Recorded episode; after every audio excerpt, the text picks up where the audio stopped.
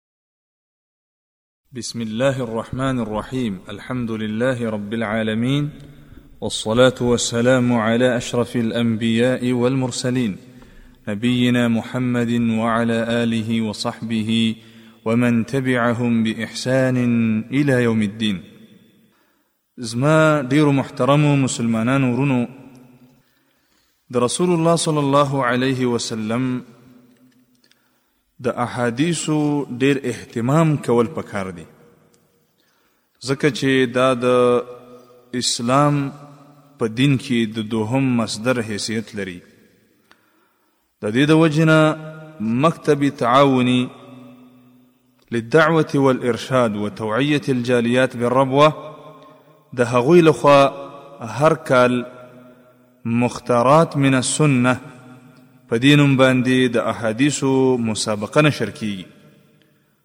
او هغه د کتاب په شکل کې چاپ کیږي نو د دې لپاره چې هغه ورونه کم چې انټرنیټ ته رسیدګی لري نو دا غي لپاره من غواړو چې دا کتاب د اواز په شکل کې ثبت کو او د انټرنیټ په پاڼه کې زمونږ محترم ورونه کولی شي چې دا واوري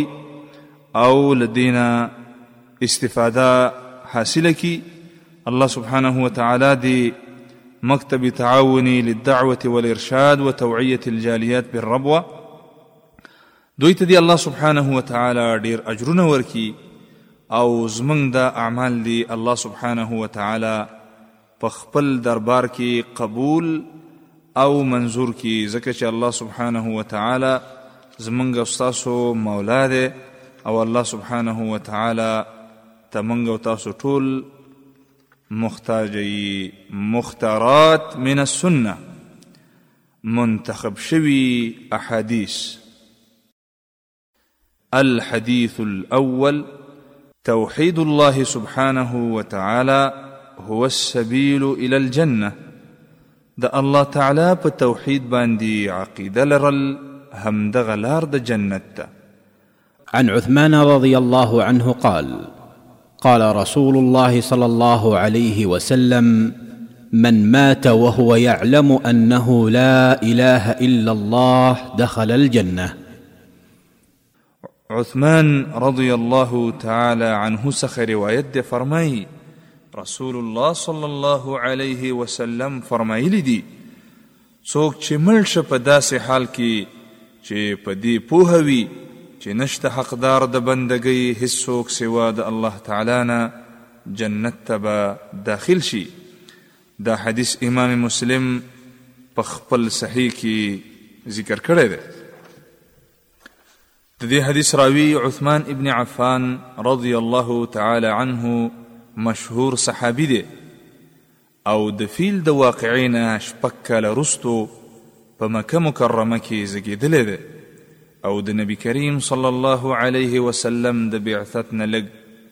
لږ وروسته د اسلام په دین باندې مشرف شو او د مسلمانانو دریم خلیفه دی او امیر المؤمنین دی ده د خپلې بي بي رقيه رضي الله تعالی عنها سره کوم چې د نبي کريم صلی الله عليه وسلم لور ده حبشې ته هجرت وکړه او د دین اسلام لپاره یې په مال او ځان سره ډیره قرباني ورکړې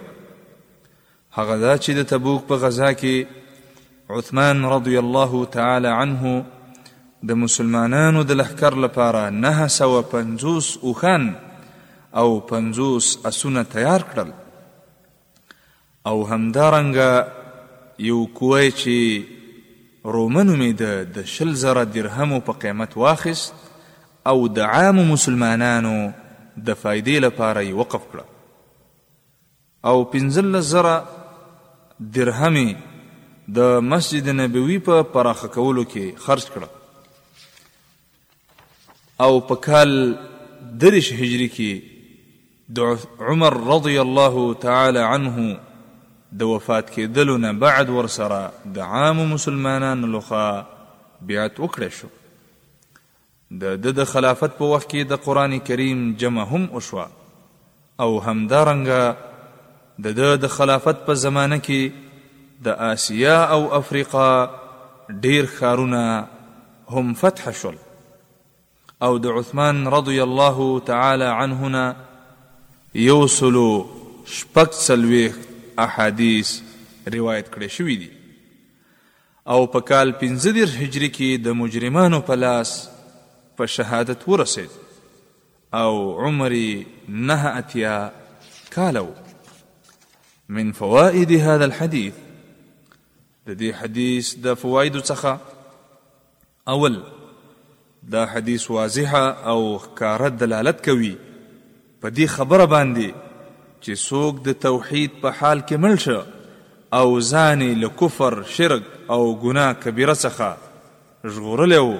نو خامخا جنت ته به داخلیږي. دوهم، په مسلمان بنده باندې واجب ده چې خپله عقیده او اعمال او اخلاق